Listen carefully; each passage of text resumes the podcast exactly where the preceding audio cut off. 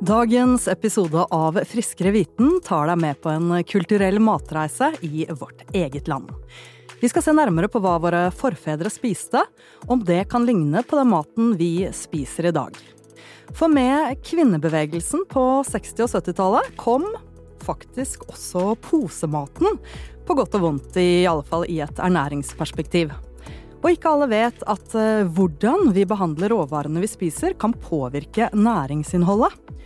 I dag skal vi gi deg et par tips til hvordan du kan ivareta all den gode næringen fra kostholdet vårt. Friskere viten, en podkast fra Nycoplus om det du ikke allerede vet om helse og ernæring. Jeg heter Arnhild Elster. Jeg har eh, to små barn, og det året minstejenta ble født, spiste vi eh, frossenpizza til middag, i hvert fall én gang i uka. Nå har vi kommet oss eh, litt mer ovenpå, men jeg må si at eh, det å skulle bare komme på hva man skal lage til middag hver dag, i hverdagskarusellen der eh, alt, inkludert middag, skal skje på to timer mellom barnehage og leggetid, og at det man serverer gjerne skal være næringsrik og bra mat, og samtidig noe barna liker og vi voksne ikke dør inni oss av, det er utfordrende. Jeg er overbevist om at mange er enig med meg i det, og i dag skal vi snakke om matvaner. Vi skal se på hvordan disse har endret seg over tid, og vi skal, og det er jeg veldig glad for, få noen gode tips og triks. Og det skal du primært ikke få fra meg, jeg har i stedet hentet inn noen kyndige gjester. Og først en gammel kjenning for dere som har hørt på Friskere viten før. Åse Andresen, kan du noen matvaner, du? Nå er jeg jo klinisk eh, ernæringsfysiolog, eh, og selv om jeg til daglig nå jobber som fag- og opplæringsansvarlig for Nycoplus, eh, så har jeg jo tidligere jobbet mange år på sykehus, og jeg kan mye om det maten inneholder. Men jeg må jo innrømme at jeg er en tilhenger av å gjøre hverdagsmaten enkel. Ikke kjempeglad i å lage mat fra bunnen av, så jeg er veldig glad hver gang det kommer nye, sunne ferdigretter. Så jeg gleder meg å snakke litt om dette spennende temaet i dag. I tillegg har vi i dag med oss Magnus Tvedt Øresland. Du er kokk og har tidligere jobbet ti år som matrådgiver i Matprat. Veldig hyggelig å ha deg med. Kan eh, du si litt mer om deg selv? Ja, hvor skal man begynne? Takk for uh, invitasjonen. Eh, jo, jeg har vel sånn ca. 25 års eh, fartstid med å prate om mat. eh, både i jobb og privat. Jeg er en sånn såkalt nerd. Jeg legger ikke fra meg jobben når jeg skal hjem. Eh, som sagt ti år i Matprat, og i etterkant av det så har jeg da jobba som eh, avdelingsleder i Ullensaker kommune, hvor jeg driver eh, mat- og drikkebusinessen der ved rådhuset og et par ungdomsskoler. Mm. Eh, Gnistmatopplevelse heter det. Driftsformen vil si at vi, vi bruker eh, de ressursene som ikke blir brukt ellers. Og, eh, inkludering og arbeidstrening og den biten der. Ja, for du er jo kokk, som uh, mange kanskje forbinder med restaurantmaten man bare spiser en gang iblant, men ut fra det du sier nå, så høres det ut som du også da brenner litt for hverdagsmaten og dette med matvaner. Ja, det gjør jeg. Jeg brenner veldig for den biten der. Den er jo for de aller fleste av oss det viktigste å ha et godt forhold til hverdagsmaten og og det man spiser eh, som kosthold, altså det som man spiser gjennom livet, det er viktig for oss alle sammen. Ja, og i dag skal vi jo se på hvordan matvanene nettopp har eh, endret seg over tid. Og derfor har jeg litt lyst til å spørre eh, om jeg kan spørre deg hva som var et par typiske retter som dere hadde til middag da du var liten, og om det er noe du kunne lagd i dag også? Ja, jeg føler at vi hadde et ganske stort repertoar eh, hjemme hos meg. Eh, det som sannsynligvis ikke får i dag, som jeg fikk, det var lungemos blant annet, og levergryte. Mm. Noe jeg syns var veldig godt, og som jeg svært gjerne ville ha til middag i dag også. Men eh, er vanskelig å få det gjennom hos familien. Det er det. Ja, det er eh, gjenkjennelig.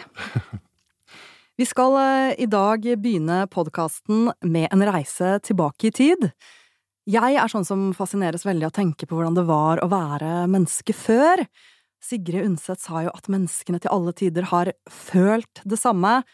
Jeg vet ikke helt om det engang stemmer, men vi har i alle fall kledd oss annerledes, snakka annerledes og eh, bodd annerledes, og spørsmålet i dag er jo om vi også har eh, spist annerledes. Og hva fantes egentlig av mat på et normalt kjøkken her i Norge i, eh, i gamle dager? Ja, altså, gamle dager, hva er gamle dager? Det, nå kommer jo å splitte det opp i mange eh, timers prat, egentlig. Men du kan si hvis vi trekker tilbake til uh, slutten av 1800-tallet, begynnelsen av 1900-tallet og fram til i dag, så er det jo en enormt stor forskjell. Uh, jeg vil si gamle dager, da går man gjerne en to-tre generasjoner tilbake i tid. Og da var livet ganske annerledes enn det det er i dag. Økonomien var annerledes, og vi, vi, sto, vi var annerledes stilt, rett og slett. Ja. Og, og hva var det typisk at man, at man, spiste da? Det kom an på hvilket samfunnslag du var i. Eh, man snakker gjerne om eh, tradisjonsmat og husmannskost, og det er to helt forskjellige ting. Var man i det øvre sjiktet, så hadde man ofte god mat hver dag, gjerne med melkemat og kjøttmat. Mens eh, hvis man var i husmannssegmentet, så var det grøtmat og vaskraut og, og billig mat. Ja. Men det skjedde jo ganske mye da i begynnelsen av 1900-tallet og fremover, eh, som gagna mange. Ja. Ok, så norsk matkultur har vært preget av at vi har hatt et uh, tøft klima, og at vi bor i et område hvor det er uh, vanskelig å dyrke mat. Og råvarene har vært uh, tilgjengelig i relativt korte sesonger og ofte i store mengder av gangen, sånn som med torsk og sild, innhøsting av korn og senere poteter, og dyreslakte, som gjerne ble gjort kun én gang i året. Jeg tenker noen ganger på, er det det som sitter igjen når vi kaller høsten for fårikålsesong? Ja. Eh, at man bare slakta på høsten en ja. gang i året, men at man ikke hadde trengt det i dag, på en måte. Ja, Vi har veldig mange retter som eh, kan dateres til akkurat den slaktesesongen, altså ja. den høstsesongen ferskt kjøtt eh, og suppe, blant annet ferskt kjøtt og ertesuppe. Fårikålsesong, som du sier. Eh, det er mange av de som vi fremdeles holder hardt igjen på. Og mye av tradisjonsmaten vår, nesten all tradisjonsmaten vår, eh, går jo tilbake til hva vi gjorde ellers med den maten som vi måtte gjøre noe med for at det skulle holde til resten av året. Ja, så vi har jo hatt en tradisjon med å salte og konservere maten slik at den skal skulle kunne vare for et helt års eh, forbruk av gangen. Og Åse, hva tenker du sånn helt ernæringsmessig om et kosthold basert på de råvarene som var tilgjengelig før? Det er klart at du nevnte vassgraut. Hvis man lever bare på det, da vil man få noen ernæringsmangler. Og jo mindre eh, utvalg av råvarer man har, jo vanskeligere kan det jo være å sette sammen et fullverdig kosthold. Eh, og kanskje spesielt i Norge, da, med tanke på frukt- og grøntdelen. Ehm, så tenker vi tallerkenmodellen, da, så var kanskje det den vanskeligste delen. Men samtidig så har vi eh, tyttebær, tyttebærsyltetøy, multer, eh, skvallerkål og brennesle. Så jeg tror før i tiden så De visste kanskje ikke hvorfor, men de klarte allikevel i stor grad å sette sammen eh, et fullverdig kosthold ved å bruke naturressursene. Uh, og du, kan, du nevnte sånn saltsild, for eksempel. Mye saltmat er jo ikke bra, men samtidig så hadde de jo ikke alle disse ferdigvarene vi har i dag. Hovedkilden til salt i dag er jo posesupper og, og ferdigretter. Så sånn totalt sett så var det helt klart mulig å klare å følge dagens kostråd, da, tenker jeg. Det er interessant, faktisk. Men uh, Magnus, hvilke matvaner er det som har kommet til, hvis vi tenker de siste 500 årene, da, for eksempel? Ja, altså matvanene følger jo litt eh, Hva skal man si vi, vi, Det er jo handelsvare i stor grad mat blitt. Mat og drikke har jo blitt en handelsvare i import, og, og også selvfølgelig eksport. Så eh, de siste 500 årene syns jeg er vanskelig å snakke om, for det er epoker i, innenfor de 500 årene som er mer viktige, kanskje. Det har jo kommet frukt og eksotisk frukt, og det har kommet oster og melkemat og, og, tradisjoner rundt dette med å behandle det også til landet. Ja. Kaker og eh, tørka frukt og, og bær, eh, sukker og salt i større monn, eh, alkoholholdige varer som øl og sånn har kommet inn gjennom landegrensene og med skipsfarten. Så eh, de siste 500 årene har jo vært en voldsom, voldsom stor endring. Ja. ja, ikke sant, og særlig dette med at vi har byttet uh, ting til oss, og ikke bare, ikke bare selvberging uh, lenger. Ja, vi gikk jo over fra selvberging til, uh, til Altså selvberging, vil si, heller si selvbergingshusholdet, ja. over til pengehusholdet. Og, eh, og, der skjedde det jo ganske mye. fordi at da kan man kjøpe og selge varer, og da ble plutselig eh, innholdet i kjøkkenskuffen, holdt jeg på å si, eller i, i eh, matforrådet mye større. Jeg kan si at eh, kanskje for, eh, for 150 år siden så var det normalt å kanskje ha 30, 30 varer eh, tilgjengelig, mens i dag har vi kanskje 300. Men hvis du regner med sukker og salt og eddiker og salater og, og, frukt og brød og alt mulig sånt, så er vi ganske veldig mye bedre stilt i dag enn det de var før, med tanke på å få et variert kosthold. Ja. Men samtidig så er det her med liksom selvberging, eller det å produsere maten selv, da, versus å være helt avhengig av å bytte det til oss, eller eh, import, som vi kaller det nå, da, det er jo fortsatt egentlig et ganske sånn hett og debattert tema, særlig nå igjen med korona og vårens jordbruksopprør, og det er jo ikke helt over. Ehm, for som du sier, så hadde vi jo stor grad av selvberging, i hvert fall sånn på hver enkelt gård, inntil ganske nylig, mens vi på kort tid nå har fått tilgang på et uendelig hav av nye råvarer og rett og slett uh, ny mat. Og um, Åse, vi blir jo rådet til å spise variert, men før så var det ikke tilgang på så mange ulike råvarer, og det gikk jo, som du nevnte, tilsynelatende bra, men hvilke fordeler får vi ved å spise variert? Det er klart, nå har vi jo Det er på godt og vondt at vi har alle disse råvarene og matvarene tilgjengelig nå. Eh, tenker før i tiden, så Det er jo noen gode eksempler fra Norge. For eksempel i Innlandet så er det ikke så lenge siden det var store problemer med jodmangel eh, og struma, fordi de ikke hadde tilgjengelig sjømat og eh, havfisk. Eh, og, og, når det gjelder D-vitaminmangel, så var det vanlig i områder hvor det var lite tilgang på fetfisk og, og fiskelever. Og det er jo faktisk eh, ting vi fortsatt har utfordringer med i Norge i dag. Med, det er fortsatt mange som ikke får i seg nok jod og D-vitamin. Eh, og, og, det er jo eksempler på næringsstoffer som finnes i relativt få matvarer. Sånn at man ved å spise mer variert og velge et større utvalg av råvarer og, og, retter, så er det jo større sannsynlighet for å greie å dekke kroppens behov for næringsstoffer. Mm. Men tilbake til historien, hvis vi skal se på liksom siste del av den nærmeste historien. Eh, har du lyst til å si noe om maten som har kommet til de siste 50 årene, og da også noe av denne, disse tingene som kanskje ikke er så bra, eller? Ja, altså de siste 50 årene har jo vært prega av veldig mye av trender. Det skyller trender innover Norge eh, med jevne mellomrom. Og klart 50-åra var eh, harde, det var jo etterkrigstiden, og det var også igjen ganske dårlig økonomi.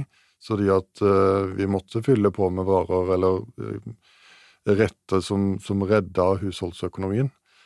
Eh, med blant annet innmat og sånne retter, men som var en naturlig del av vårt kosthold. Og så kom jo denne hva skal man si, kvinnefrigjøringen. Man sparka kvinnen mer ut i arbeid og ut av kjøkkenet, og så vil jeg tro at mannen ble sparka mer inn på kjøkkenet. Eh, og så begynte vi å reise en del etter hvert og drar med oss de trendene fra utlandet og inn. Men de blir ikke værende i landet fordi at det, ikke, det er ikke godkjent i USA, f.eks. Så alt at mattrender, altså lands, andre lands matkulturer, skal gjerne innom USA en tur, mm. bli godkjent, omforvandla litt, og så blir det introdusert i Norge eh, og blir tatt godt imot. Ja. Så vi har jo fått veldig mye. Altså 50-tallet, vi må si bare det er jo veldig kort tid siden, egentlig, sett i historisk perspektiv, men da kom faktisk stekeovnen og kjøleskapet. Vi mente at kjøleskapet, det første kjøleskapet som kom til landet, kom med tyskerne i, i rundt 43-44. Og det er kort tid siden, og da kunne vi begynne å oppbevare mat på en helt annen måte. Mm. Og, og, det har jo prega kosten vår i etterkant. Så vi har jo fått et, begrep som heter matglede, som uh, i langt større grad uh, vi forholder oss til nå enn det gjorde for 50 år siden. Det handler om å bli mett, og det gjør det jo fremdeles for veldig, veldig mange, men det handler mer om å få et sanseinntrykk, altså smaks... Gleden av å kjenne andre smaker. Ja. Den har vi fått i dag. Ja, og jeg er ikke så gammel, men da jeg vokste opp i Oslo, så var det ikke spesielt mange restauranter å gå på i forhold til nå, når hele verden er eh, representert. Og til middag, så for oss så tror jeg kanskje sånn spagetti med kjøttdeig var det mest eksotiske vi spiste. Og når jeg bare tenker på barndommens middager, så er det så uendelig langt fra den maten man lager i dag med tanke på råvarer og smaker og krydder og typer retter. Og hvis vi nå skal se litt mer på den maten vi spiser i dag, og hvis vi skal gå litt sånn vitenskapelig og fjong til verks, så finnes det noe som kalles NOVA-klassifisering av mat, som er laget av en gruppe forskere ledet av Carlos Monteiro, som er professor i ernæring ved University of Sao Paulo i Brasil. Og de deler opp maten i fire grupper. Nå må jeg ta på meg litt sånn ofagslærerhatten her. Og den første gruppa er eh, uprosessert eller minimalt prosessert mat. Det vil si eh, ubehandlede grønnsaker, frukt, havregryn, korn, bønner, linser, ferskt kjøtt, egg og melk. Disse kan også være fryste, men uten andre ingredienser tilsatt, altså rein mat. I gruppe to finner vi så det som kalles eh, prosesserte kulinariske ingredienser. Disse er laget basert på uprosesserte matvarer, som eh, for eksempel de som finnes i gruppe 1. Dette er ingredienser som er vanlige vanlig å bruke i matlaging hjemme, sånn som olje, salt, sukker, honning, smør og stivelse. Og deretter har vi i gruppe 3 prosessert mat. Dette er eh, relativt enkle produkter laget av ingrediensene fra gruppe 1 og 2. Disse kan være tilsatt tilsetningsstoffer som eh, antioksidanter og konserveringsmidler. Dette kan være mm, hermetisert frukt og grønt, saltede nøtter, saltet eller røkt kjøtt, ost, brød, øl og vin. Litt digg at vin kom med i denne forskergruppas klassifisering av mat. Eh, og til slutt så har vi gruppe fire, som er ultraprosesserte matvarer. Dette er eh, industrimat som ofte inneholder mange ingredienser som ikke finnes i et vanlig kjøkken. Dette kan være tilsetningsstoffer som eh, konserveringsmidler, smaksforsterkere og kunstige søtstoffer. Det er også typisk at eh, ingredienser er trukket ut fra den opprinnelige varen og bearbeidet, og dette er mat som frossenpizza, posesuppe, pølser, brus, is, potetgull, men også ting som plastpakkede bakvarer, energibarer, plantemargarin, musli og butikkbrød. Og når jeg snakker om denne siste gruppe fire av typer mat, så hører jeg bare sånn Eivind Hellstrøms signatursetning Dette er ikke mat. Men øh, de fleste forstår jo sikkert at man bør spise mest mulig naturlig mat. Men så er det dette med tid og hverdagen og alt som skal gå opp, og bruke litt øh, ferdigfabrikata også. Er det så farlig? Jeg vil jo først understreke at det er jo flere gode grunner til å bearbeide mat. Én ting er jo mattrygghet, ikke sant, for å unngå uh, muggsopp og farlige bakterier, for eksempel. Pasteurisering. Uh, og, og, så kan det jo redusere matsvinn, fordi det øker holdbarheten. Uh, og frosne grønnsaker er jo bearbeida, men det er jo faktisk mer næringsrikt ofte enn friske grønnsaker. Så noe bearbeiding er bare bra. Eh, og et litt morsomt eksempel, det syns jeg er hermetiske gulrøtter mm. og tomatpuré. De er jo bearbeida, men de, eh, dette gjør at denne såkalte biotilgjengeligheten eh, øker. Sånn at det er mer A-vitamin, eller beta-karoten, i de gulrøttene enn i friske. Og i tomatpureen så er det mer lykopen, dette røde fargestoffet, eller antioksidanten, som er mer tilgjengelig for kroppen, da, fordi at cellene er brutt ned sammenlignet med de rå gulrøttene eller rå tomatene. Dette var så, uh, nytt for meg, så det finnes på en måte eh, bra ferdigfabrikata ja, og dårlig ferdigfabrikata. Absolutt. Men ja. så er det jo eh, sånn da at veldig mange av de ferdigrettene, eller ferdig ja, posesuper og, og, spesielt når vi går inn i de ultraprosesserte mm. matvarene som du nevnte der, så er det jo generelt sett mer salt, det kan være nitritt, det kan være tilsatt sukker, mer fett og mindre fiber og næringsstoffer. Ja. Så det må man jo være litt oppmerksom på. Eh, og når det gjelder denne denne siste kategorien, ultraprosessert mat, så er det noen forskere nå som begynner å stille spørsmålstegn rundt er, det, er de ekstra ille. Det er noen studier som viser at de har negative helseutfall, at det er en sammenheng der. Det kan øke risikoen for både kreft og fedme og hjerte- og karsykdommer osv. Eh, og man vet liksom ikke helt hvorfor. Er det bare fordi at det er snakk om uh, smågodt og fastfood og kjeks og is? Eller er det noe mer? Mm. Er, det, er, det, den dårlige ernæringskvaliteten, eller er det en sånn samleeffekt av alle tilsetningsstoffene? Uh, er det et eller annet som skjer med tarmfloraen? Uh, eller er det rett og slett bare at det er så god konsistens og at det smaker så godt at man spiser mer av disse matvarene? Det vet man ikke helt. Så her er det ennå ubesvarte spørsmål. Mm. Men hvis vi ser på det litt i et ernæringsperspektiv, hvis vi sier at um, jeg for eksempel, cirka halvparten av maten jeg kjøper er naturlige råvarer og matvarer som olje, salt, sukker og honning, og så er den andre halvparten ultraprosesserte matvarer. Hva ville endret seg hvis jeg kuttet ut disse veldig bearbeidede matvarene med mer naturlige råvarer?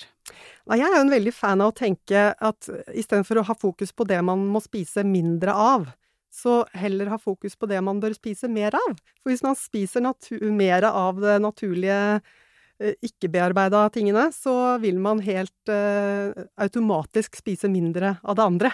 Mm. Så det, det, tenker jeg kan være fornuftig. Og så sette seg enkle mål, da. Ikke sant? Hvis man lever på frossenpizza hver dag, så hjelper det bare å bytte ut en av de dagene med noe, noe man lager fra bunnen av. Magnus, du er jo eh, kokk, og jeg har på følelsen at uh, koking av posesuppe ikke var pensum på skolen eh, du gikk på. Har du fra ditt ståsted noen tanker rundt valget av enten uprosessert eller prosessert mat? Jeg har så mange tanker. Jeg sitter og, nikker når du snakker her, fordi at um det, det, er så sant det du sier, det er litt sånn begrensa hvor mye mat vi kan spise. Og eh, så er det jo også begrensa med tanke på vår forskjellige livsførsel, hvordan, hvor mye tid vi har å legge i dette med å lage mat. Så jeg som kokk har jo ganske mye erfaring og ligger i hendene og lage god mat av frine, friske, gode råvarer ganske fort. Mens andre igjen sitter med kompetanse på helt andre områder og må ty til litt enklere løsninger. Og jeg har forståelse for det. Man kan ikke begynne å kjefte på folk fordi at de, at de må gjøre det for å få hverdagen til å gå opp. Men jeg tenker at det er ikke posesuppen eller frysepizzaen eller den masseprosesserte, altså prosesserte maten som er farlig, men jeg tenker at det er mennesker som sitt forhold til den maten som kan være farlig. At eh, hvis du hovedsakelig går på den typen mat, så har du i utgangspunktet en utfordring som du bør løse på et helt annet plan enn inne på kjøkkenet. Ja, vi skal uh, snakke litt mer om våre matvaner i dag. Åse, du har uh, sett på Helsedirektoratet sin rapport rundt utviklingen i norsk uh, kosthold. Hva fant du som var interessant der? Der er det mye interessant. Den kommer hvert år, og jeg gleder meg hver gang. Men for å starte med et litt sånn trist eksempel der, så vil jeg fokusere på poteter. For forbruket av matpoteter har gått drastisk ned siden 70-tallet. Eh, derimot eh, bearbeidede poteter, sånn som pommes frites og sånne frosne potetkaker videre, det har økt. Så siden eh, begynnelsen av 2000-tallet så spiser vi omtrent like mye av vanlige matpoteter og bearbeidede potetprodukter. Og det er jo Det henger ikke på greip, ikke sant? Mange mener at poteten er farlig og usunn. Det er jo ikke noe problem som en del av et sunt kosthold.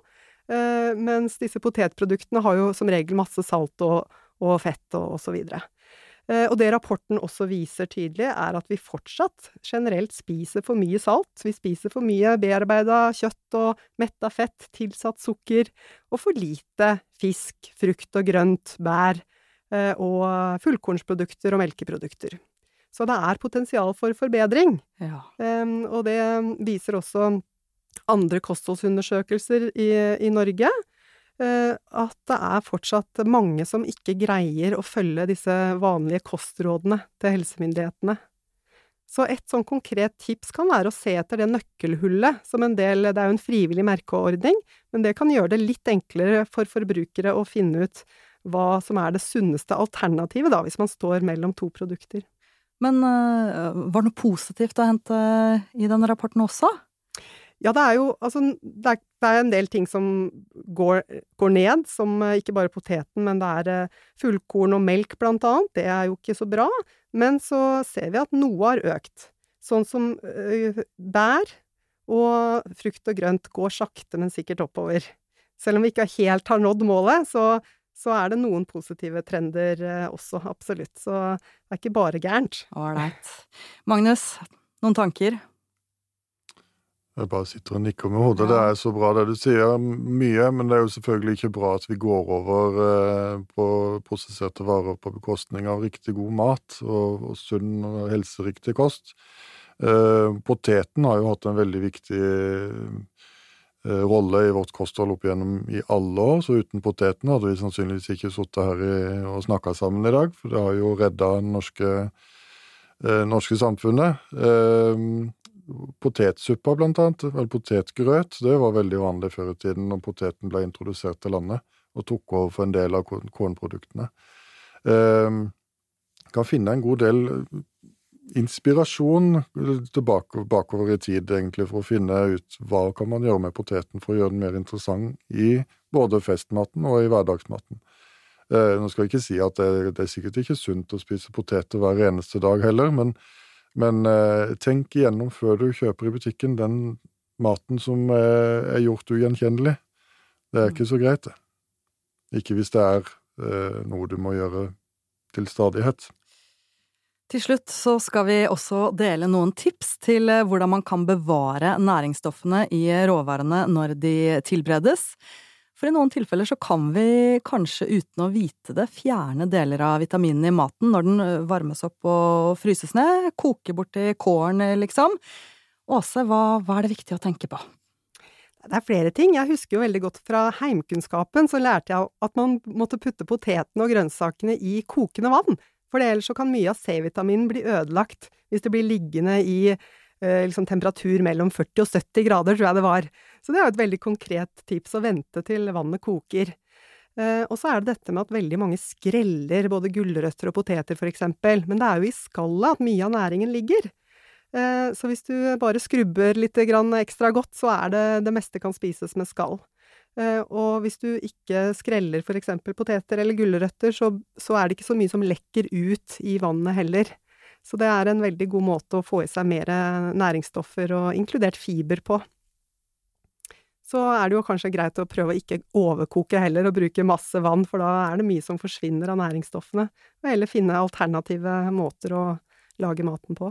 Magnus, du sitter sikkert også på et uh, vel av gode tips? Ja, skal, hvor skal jeg begynne? Men det er jo det viktigste, akkurat det der at du kjøper friske, gode råvarer, tar de med hjem, og så tenker at du skal spise det opp før det begynner å bli dårlig. Så kjøp for den eh, perioden du har tenkt å, å spise det i. Eh, og det, du sier det at det er mye av næringsstoffene og vitaminer og mineraler sitter i skallet, men det sitter også mye smak i skallet. Farger og, og mye spennende konsistens, og det gir jo eh, grønnsakene også en, eh, en konsistensbrytning bare ved å spise den rå.